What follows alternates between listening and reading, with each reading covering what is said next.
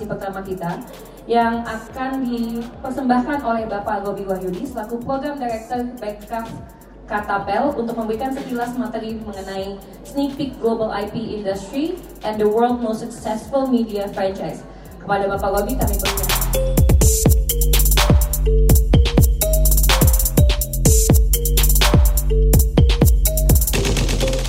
Oke, okay, thank you. Uh, halo semua, sudah makan? Pada lemes-lemes semuanya.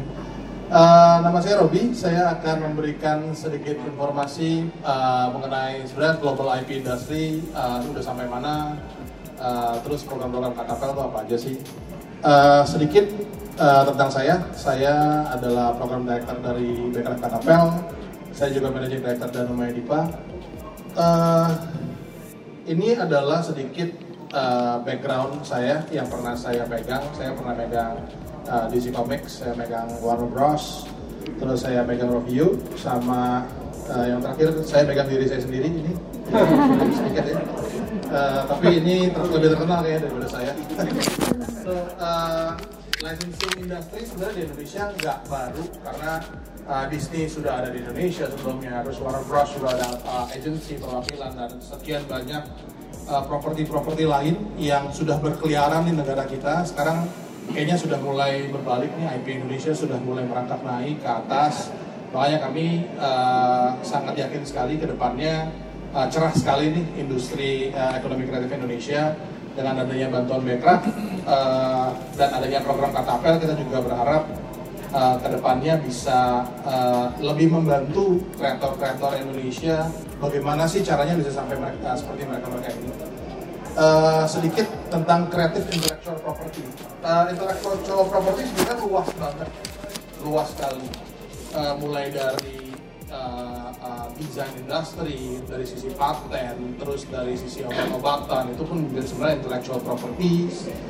Uh, ada yang bikin mesin buat pacu jantung itu pun intellectual property. Cuman kita kelompokkan menjadi creative intellectual property sebenarnya. Jadi intellectual property adalah buah hasil karya pemikiran kita uh, kita nggak gambar sedikit di kertas pun udah menjadi intellectual property sebenarnya.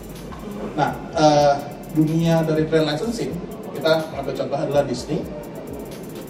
Uh, ini adalah Walt Disney sedikit nah, ini agak terang. Uh, Walt Disney di awal di awal dari karyanya uh, sebentar saya back dikit. Temennya ini UBI Works adalah partner dari Walt Disney dan ini adalah hasil karya mereka pertama kali Mickey Mouse dan Disney. Dan mereka sampai pada saat bikin ini memang mereka belum sadar bahwa karya yang mereka akan merubah dunia sebenarnya. Sampai memang menjadi uh, inspirasi buat beberapa teman-teman untuk berkarya tapi yang kita lihat di sini adalah angka ini yang saya lihat ini adalah pendapatan Disney di 2018 59,434 eh, miliar dolar 2018. Oke. Okay. Ini adalah peningkatannya, sorry agak potong dikit, ada peningkatan dari tahun ke tahun dari 2006 sampai 2018. Di 2018 59,43. Revenue-nya di 2018 terdiri dari media network dan studio entertainment 34 which is 59 persen. Okay. parks dan resort 40% dan consumer products. Jadi basically 40% dari penghasilan Disney itu datangnya dari consumer products. Sisanya memang dari media network dan studio entertainment. So data ini semuanya bisa diikuti pada ini adalah Disney Empire. Saya highlight sedikit dari Marvel 32 miliar dolar. Dan dari Lucasfilm which is Star Wars ini 65 per Maret 2019 penghasilannya udah sekian. Saya sekarang ingin uh, melempar pertanyaan pendapatan dari total uh, uh, pendapatan uh, IP kreatif di seluruh dunia ada yang tahu nggak lima besarnya ini siapa? Siapa ya ada yang bisa nebak sebutin mungkin Upin Ipin mungkin unyil. Oke, ini saya, saya langsungin aja ya. Jadi dari sepanjang sejarah, lima pendapatan terbesar didominasi oleh Pokemon. Oh. Ya. Kalau dilihat ya dari sisi kuning ini, kuning ini adalah merchandising. Oke, lihat nilainya berapa. Oke, Hello Kitty dari sisi merchandisingnya itu mengalahkan seluruh pendapatan Mickey Mouse. Bahkan Hello Kitty tidak ada animasi, tidak ada uh, filmnya, nggak ada komiknya, tapi memang mereka terfokus di merchandising. Jadi intellectual property atau creative intellectual property tidak harus langsung menuju ke core medium. Lebih baik menuju core medium karena untuk sustainability jangka panjang. Meskipun Hello Kitty pendapatannya luar biasa, tapi ke sininya mereka declining karena mereka tidak ada continuity. Sementara dari sisi Star Wars, Mickey Mouse, Winnie the Pooh, kalau dilihatin tahun diperhatiin tahunnya ya, 1996, 74, 1924, 28, 72. Ini ini 1 sampai 5 dan ini adalah 6 sampai 10. Oke. Unpan Man, ada yang tahu? Tahu. Oke, saya nggak tahu ini semua saya googling. Unpan Man ini apa? Ternyata untung nggak mirip sama saya. Oke, Disney Princess, Mario dengan game, ini merah game sih. Terus Shonen Jump, udah pasti tahu semua ya. Comics, sama Harry Potter. Dan Harry Potter paling unik karena kalau medium perpindahannya tuh paling banyak banget. Hijau nih, box office, biru itu adalah book sales, kuning adalah merchandising, and so on, and so on. Ke sebelas, baru Marvel Cinematic Universe. Oh. pendapatan mereka 29 billion. Cuma dari 2008 tadi eh, si apa namanya eh, Pokemon dari 74 so sebenarnya kalau kita berbicara sustainability atau ke depannya dengan adanya core medium yang tepat Spiderman sendiri. eh, akan lebih eh, panjang napasnya Batman. ini 11 sampai 15 saya continue ini 16 sampai 20 ada suara Doraemon itu di sini Bentar saya akan nyampe ke Doraemon Uh, Barbie, Fish of the North Star, tahu Fish of the North Star? Tahu. Cars, Toy Story dan dari list 25 list ini memang dari seluruhnya propertinya owned by Disney. Kenapa Disney menjadi uh, memang uh, tujuan dari atau kiblat dari dunia kreatif uh, intellectual properties dan yang terakhir adalah yang unik Lord of the Ring, James Bond, Yu-Gi-Oh, Peanuts dan Transformer. Ini adalah 25 pendapatan terbesar sepanjang sejarah uh, dari intellectual properties. Moving on. Dari Toy Story kita ambil contoh. Ada yang tahu Toy Story? Semua Toy Story. So ini pendapatan dari DVD-nya. Terus dari film. Kemudian dari merchandise. Star Wars 1 sampai 6 dari film, dari game, kemudian dari merchandise. Dan yang paling epic adalah Pokemon. Dari animasinya, Pokemon Go, kalian-kalian yang beli koin-koin Pokemon Go ini, dan apalah itu kartu Pokemon dua puluh ribu satu paket. Dan dari merchandise-nya. So, kalau kita berbicara end goals dari sebuah uh, intellectual properties, memang selalu di merchandising untuk uh, uh, apa namanya monetisasinya. Jadi kemarin uh, saya sempat diundang sama Ainaki untuk Beacon Biocraft Animation Conference, ada uh, Pak Daniel uh, di sebelah saya, beliau ngomong beliau dapat uh, services uh, bikin animasi luar yang harganya puluhan juta dolar dan menurut mereka nggak apa-apa kalau pendapatannya billions of dollars, 10 juta dolar nggak seberapa. So memang harusnya dimonetisasi monetisasi melalui merchandising. Uh, sorry ini ya World of Brand Licensing. Uh, kalau ada yang mau pemahaman lebih dalam mengenai merchandising, ini ada kalau jalan Netflix, The Toys That Made Us ini seru banget sebenarnya untuk dilihat. So global industry revenue 2018 adalah 280,3 miliar dolar di 2017 adalah 271,6 jadi peningkatannya sekitar 3,2 persen growth-nya dan it, it keeps growing and growing Jadi memang dari sisi uh, uh, industri industrinya memang uh, potensial sekali. Kalau kita masuk ke uh, year by year growth ya, kita bisa melihat steady and constant. Dan ini adalah total revenue, ini adalah karakter entertainment licensing revenue, terus hampir setengahnya. Okay.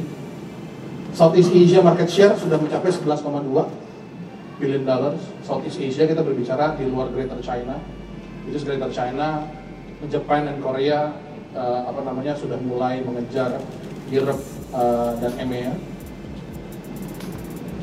Dan Creative Economy Landscape sebenarnya sebelum mengkomersialisasikan IP di 2018 kita sudah mencapai 1.102 triliun dan proyeksi kita 1.211 triliun di 2019 dan ini memang belum mem, belum mengedepankan potensi dari merchandising yang tadi saya sebutkan. Jadi sebenarnya potensi untuk melipat gandakan uh, kontribusi uh, ekonomi kreatif ke PDB uh, PDB negara memang sangat tinggi sekali. Sebagai contoh salah satunya adalah ini uh, ini a simple way uh, untuk gimana sih caranya mengkomersialisasikan uh, IP. Ini saya ada, saya happy banget nih nonton Lucas Spider. Ada yang pernah nonton? Nah, besok ini adalah Lucas Spider. I wonder where he is. Oh, I found him. Up about ago. I don't know what he is, but I think it's a polar bear. I'm gonna go poop on my nose.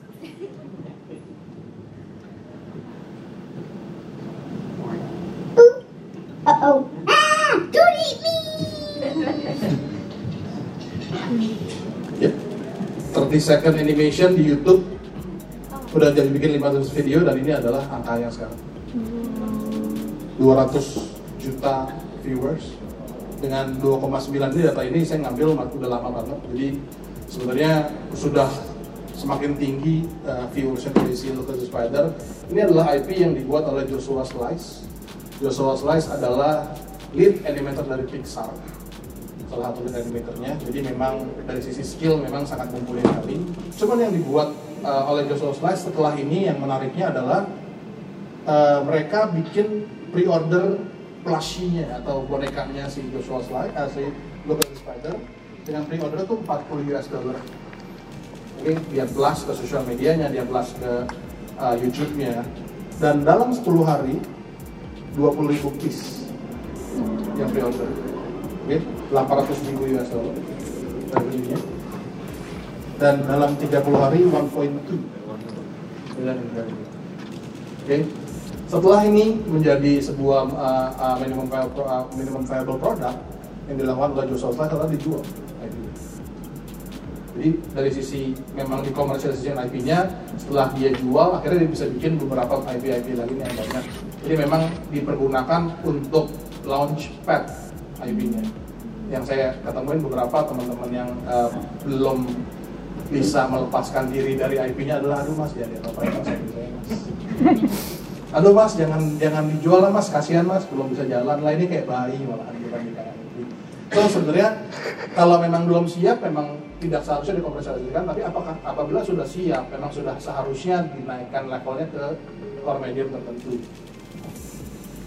Makanya kenapa kita ada uh, program namanya Katapel Creative IP Bootcamp ini sudah batch kedua sudah selesai. Kita mengkurasi uh, lebih dari uh, kita sudah berjalan dua bulan selama 8 bulan kita sudah mengkurasi lebih dari 500 IP yang sudah masuk ke kami.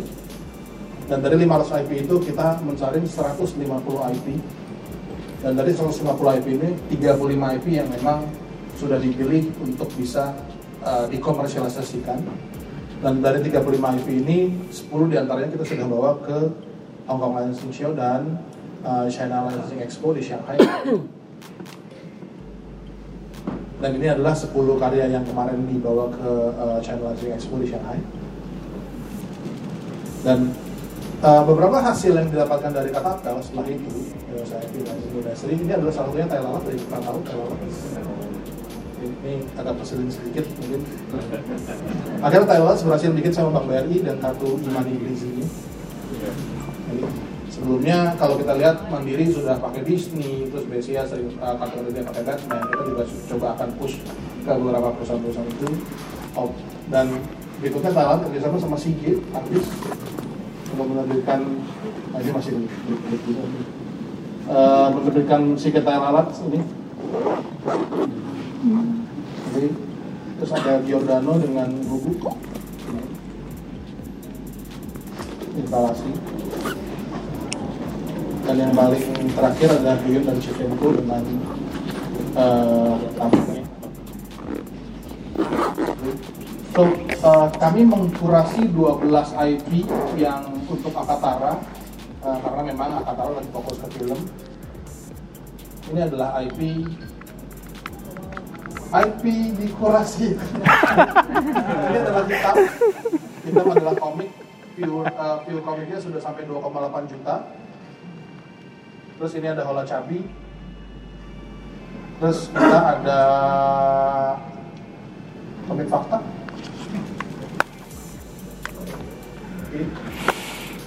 Terus kita ada Mang Squad. Ini dari Manado Uh, ini ada saya ada pasang sedikit demo. Ini yang akan di launch ke depannya. Dalam model preparation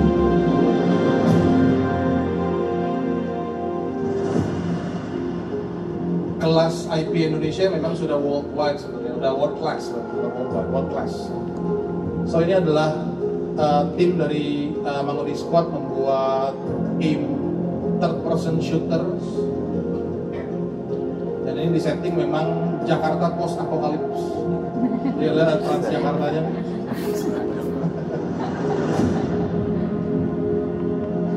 Ini belum dirilis jadi kalian pertama kali untuk melihat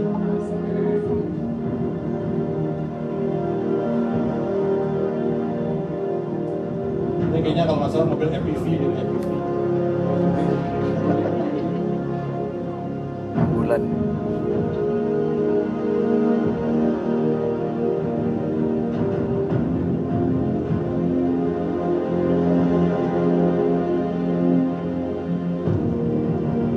So, Mono Discord ini sebenarnya uh, core media pertama kali adalah game, nanti akan diteruskan ke film dan dia akan diteruskan ke comics. So, memang ke depannya dengan uh, Katapel, dengan bantuan teman-teman semua, kita bisa bawa ini ke kelas dunia. Jadi saya langsung skip aja. Kita ada Little uh, Mitchell, ini dari uh, Mitchell, terus kita ada Nino. Nino adalah, sorry, Nino adalah uh, hasil karya dari Ludenara uh, board gamenya di depan ada. Terus kita ada pendekar kaki lima. Ini adalah kick ass plus kick ass plus uh, watchman plus the raid harusnya sih.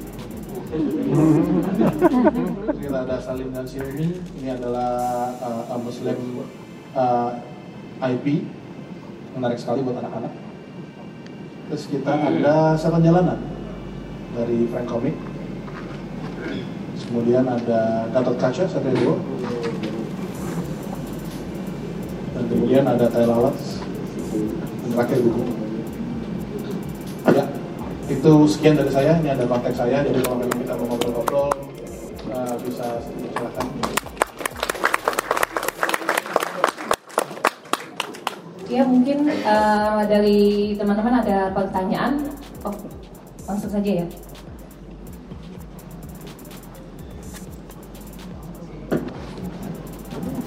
Selamat siang, uh, Pak Robi. Tadi saya simak yang Pak Robi present mengenai Lucas and the Spider.